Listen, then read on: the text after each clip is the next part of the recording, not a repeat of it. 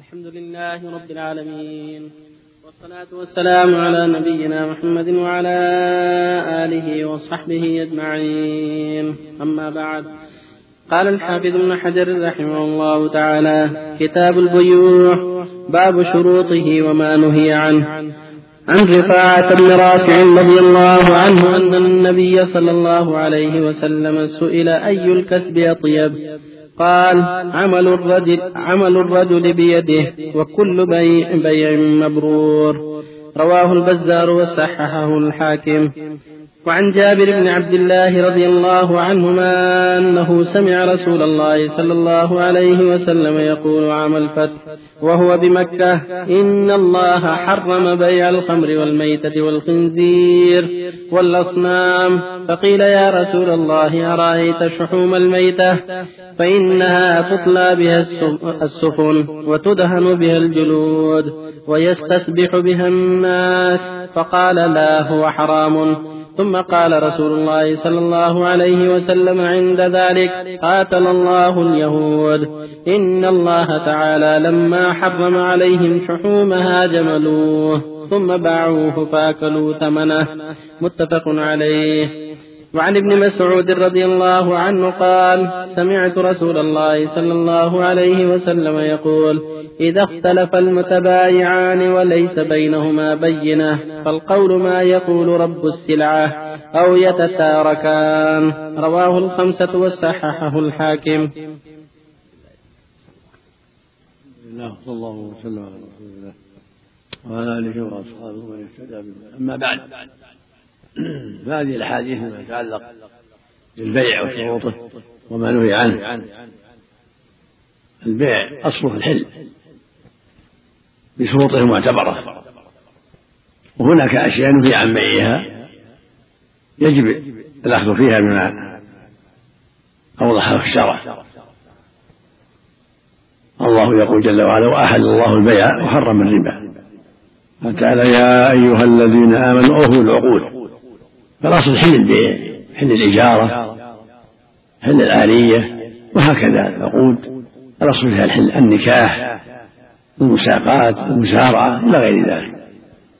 فلا يمنع منها شيء إلا بدليل هذا هو الأصل. والأصل في ذلك مراعاة الشروط التي دلها الشرع. مثل رضا المتابعين إلا أن تكون تجارة عن تراض منكم المتبايعان قد تراضيا على البيع لا أحد مكره. العلم بالمبيع في جهالة ولا غرر إلى غيره مما يأتي إن شاء الله. وبيان المنهي عنه. من البيوع حتى يتركه المسلم. فالمؤلف في هذا الباب يبين ما ورد في شؤون البيع وما نهي عنه من البيع حتى يكون المسلم على بصيرة في ما يأتي ويذر من البيوع الحديث الأول حديث رفاعة بن رافع عن النبي صلى الله عليه وسلم قال لما سئل أي كسب أطيب؟ قال عمل الرجل بيده. وكل بيع مبرور هذا يدل على أن ما يكسبه الإنسان بيده؟ من أفضل الكسب. وهكذا البيع المبرور السليم من الغش والخيانة والكذب. من الأكساب المبرورة النجارة الحدادة والزراعة والكتابة وأشبه ذلك مما يعمله الإنسان بيده يكتسب بيده. والبناء. يعمل عند الناس يبني أو أو يغرس أو يزرع. أو شبه ذلك. هذا من الكسب الطيب. إذا نصح وأدى الأمانة. إذا نصح وأدى الأمانة فهو عمل طيب كسب طيب. ومن هذا حديث المقدام مع الكريم عند البخاري رحمه الله. النبي صلى الله عليه وسلم قال ما أكل أحد طعاما خيرا من أن يكون عمل يده ما أكل أحد طعاما خيرا من أن يكون عمل يده وإن نبي الله داود عليه الصلاة والسلام كان يأكل من عمل يده أن يصنع الدروع ويكون من عمل يده عليه الصلاة والسلام؟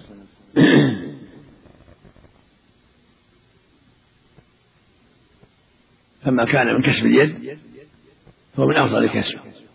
وهكذا البيوع المبرورة. السليمة من الغش والخيانة فهي من الكسب المبرور وكان هذا هو كسب المهاجرين رضي الله عنهم. كان كسبهم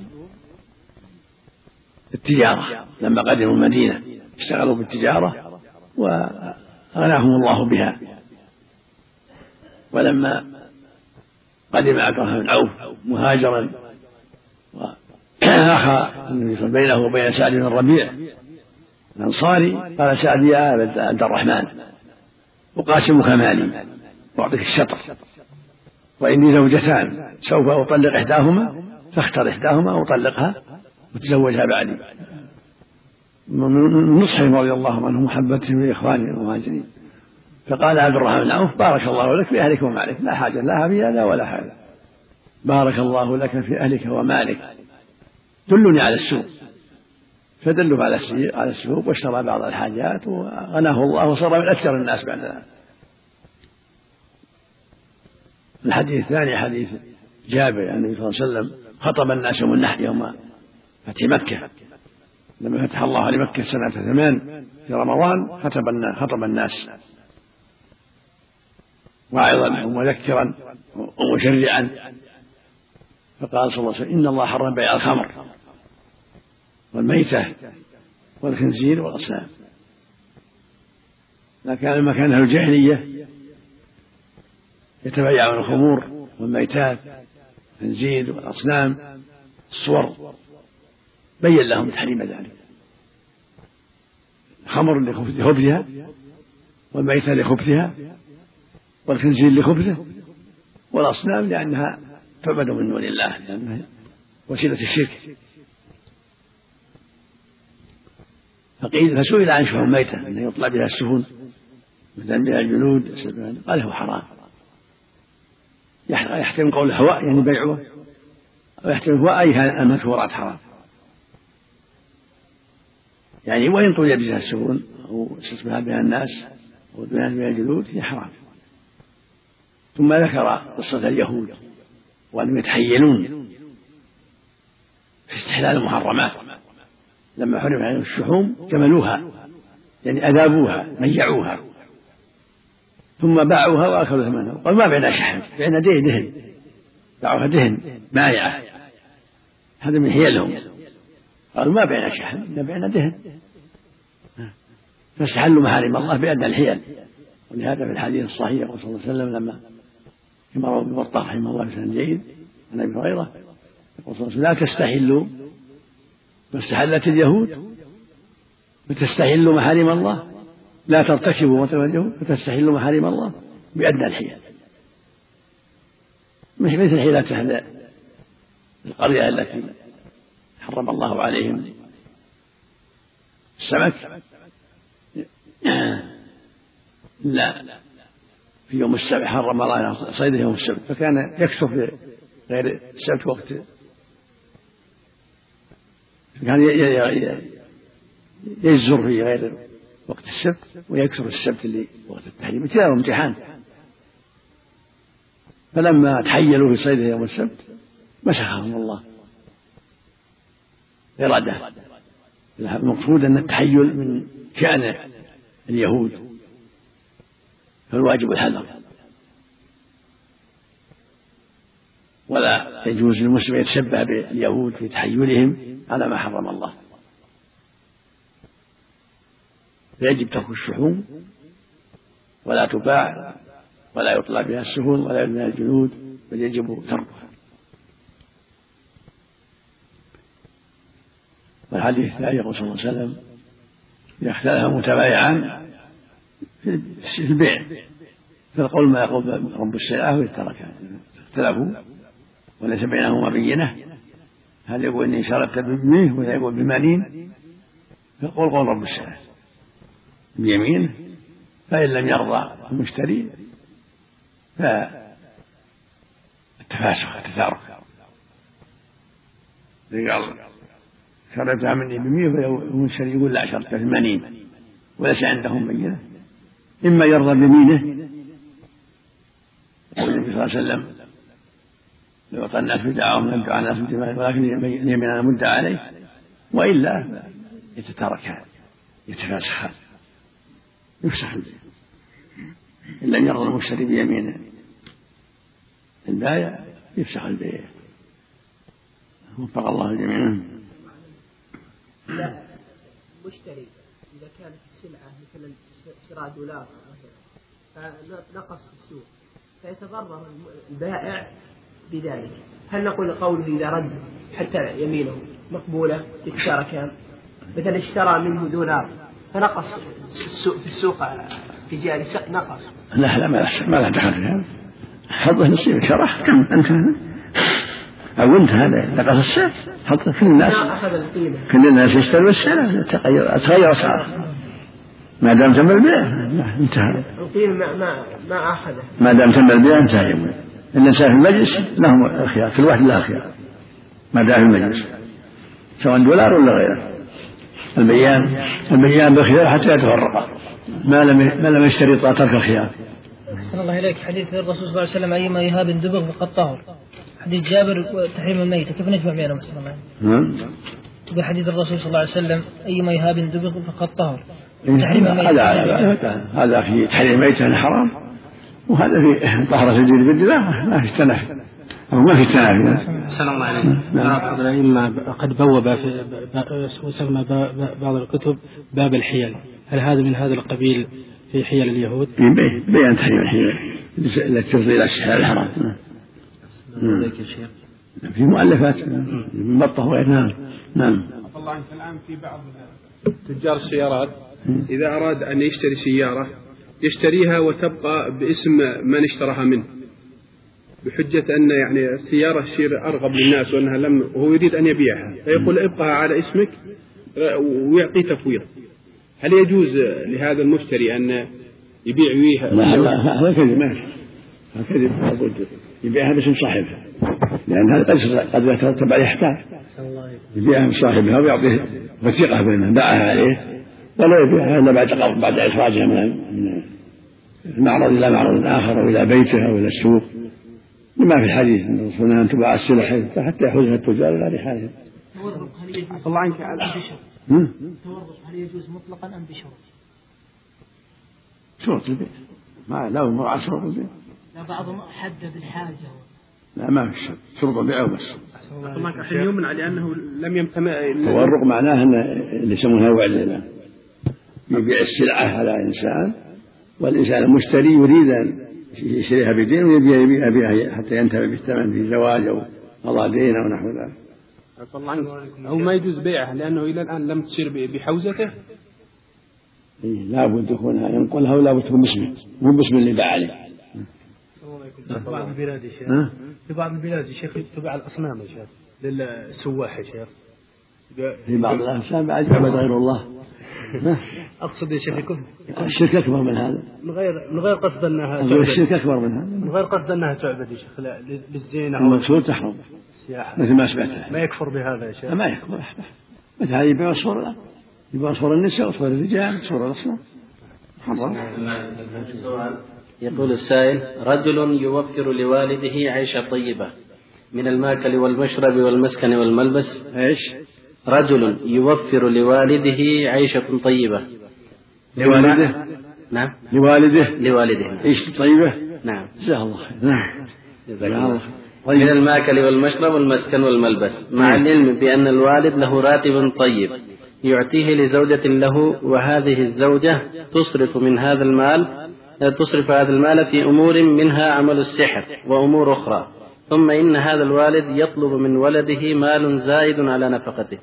فهل إذا امتنع الولد عن هذا الطلب حيث أنه وفر له كل شيء وهذا المال يذهب إلى هذه الزوجة التي لا تحسن التصرف فيه هل يأتم بذلك؟ يراجع المحكمة. يراجع المحكمة والمحكمة تنظر الأمر في الساحرة هذه وفي أبوه. إذا تنازع عند المحكمة. واللي يعرف السحر يرفع المحكمة ولا الهيئة حتى يقضى عليها. هذا سؤال آخر يقول السائل فيه يقول بم يزال الشيب الشيبة وما حكم تغيير الشيب بالك... بالكتم أو ما يسمى بالحناء السوداء الشيب لا يزال. الرسول نهى عن نتف الشيب لكن يغير بالصفرة والحمرة وكذلك ما بين السواد والحمرة ولا يغير بالسواد. الرسول عليه قال غيروا هذا الشيب واجتنبوا السواد. السنة يغير بالحنة والكتم بغير بغير ذلك من أنواع الصبغ لكن إلا السواد الخالص لا.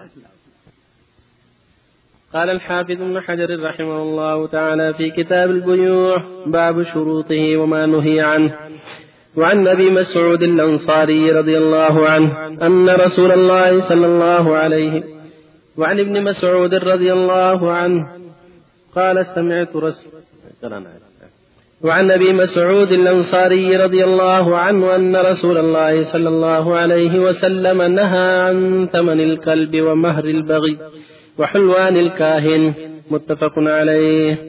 وعن جابر بن عبد الله رضي الله عنه أنه كان على جمل له قد اعياه فأراد أن يسيبه. قال فلحقني النبي صلى الله عليه وسلم فدعا لي وضربه فسار سيرا لم يسر مثله. فقال بعنيه بوقية. قلت لا ثم قال بعنيه فبعته بوقية. واشترطت حملانه إلى أهلي. فلما بلغت أتيته بالجمل فنقدني ثمنه. ثم رجعت فأرسل في يثري فقال تراني ما كستك لآخذ جملك؟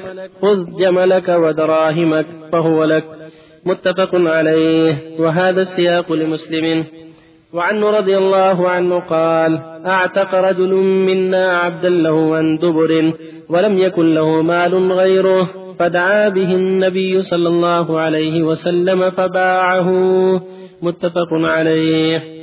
وعن ميمونة زوج النبي وعن ميمونة رضي الله عنه عنها زوج النبي صلى الله عليه وسلم أن فارة وقعت في سمن فماتت فيه فسئل النبي صلى الله عليه وسلم عنها فقال ألقوها وما حولها وكلوه. رواه البخاري وزاد أحمد والنسائي في سمن جامد. وعن أبي هريرة رضي الله عنه قال قال رسول الله صلى الله عليه وسلم إذا وقعت الفأرة في السمن فإن كان جامدا فالقوها وما حولها وإن كان ماعيا فلا تقربوه. رواه أحمد وأبو داود وقد حكم عليه البخاري وأبو حاتم بالوهم. وعن أبي الزبير رضي الله عنه وعن أبي الزبير قال سألت جابرا رضي الله عنه عن ثمن السنور والكلب فقال زجر النبي صلى الله عليه وسلم عن ذلك. زجر النبي صلى الله عليه وسلم عن ذلك. رواه مسلم والنسائي. وزاد إلا كلب صيد.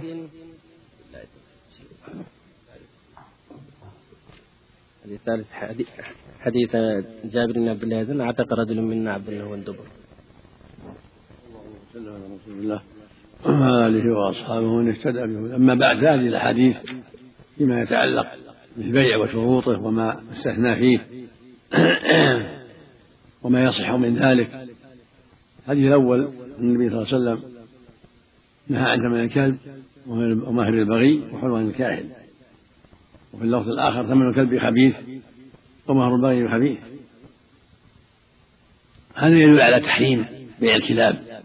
وهكذا الحديث الأخير. النبي زجر عن ثمن السنور والكلب يدل على تحريم بيع الكلاب والحر ولا يجوز بيعها. ولو كان ولو كان الكلب كلب صيد لأن الحديث الصحيح ليس فيها استثناء. استثناء النسائي غير صحيح. فالكلب لا يباع مطلقا سواء كان كلب صيد أو حرث أو ماشية. والهر كذلك مطلقا لا يباع بل ثمنهما خبيث. كذلك مهر البغي هي الزانية ما تعطاه في مقابل الزنا خبيث وحرام لأنه في مقابل فعل ما حرم الله من الزنا فهو خبيث منكر. وهكذا حلوان الكاهن وهو ما يعطاه حتى يخبر عن بعض المغيبات. يعطى فلوس حتى يخبرهم عن بعض ما يريدون منه من أمور الغيب مما يكذبون ويتحيلون ويستخدمون الجن في ذلك فهو محرم ومنكر وحرام نسأل الله لأنه وسيلة إلى الشر وإلى دعوة علم الغيب. والحديث حديث عن جابر رضي الله عنه في بيع بعيره. كان جابر على بعير قد عيا قد تعب كان يتحلى في الجيش. فرآه النبي صلى الله عليه وسلم فسجر بعيره فسار سيرا حسنا. ثم قال له النبي صلى الله عليه وسلم بعنيه. بيقية فقال جابر لا. قال فيه في ولك يا رسول الله. قال لا بعنيه. وبقية فقال لا. فردد عليه النبي صلى الله عليه وسلم بأوقية فباعه إياه بأوقية. وهي أربعون درهما. واشترط جابر حملانه إلى المدينة.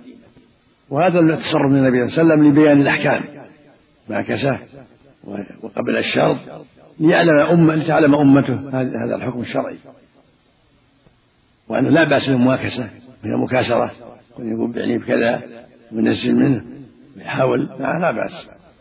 المشتري يقول كذا والبائع يقول كذا. لا حرج في المواكسة وفي من الفوائد لا بأس أيضا باشتراط في البيع أن يشترط ظهره ظهر المبيع إلى بلد معين ولا بيع السيارة لكن بشرط أنها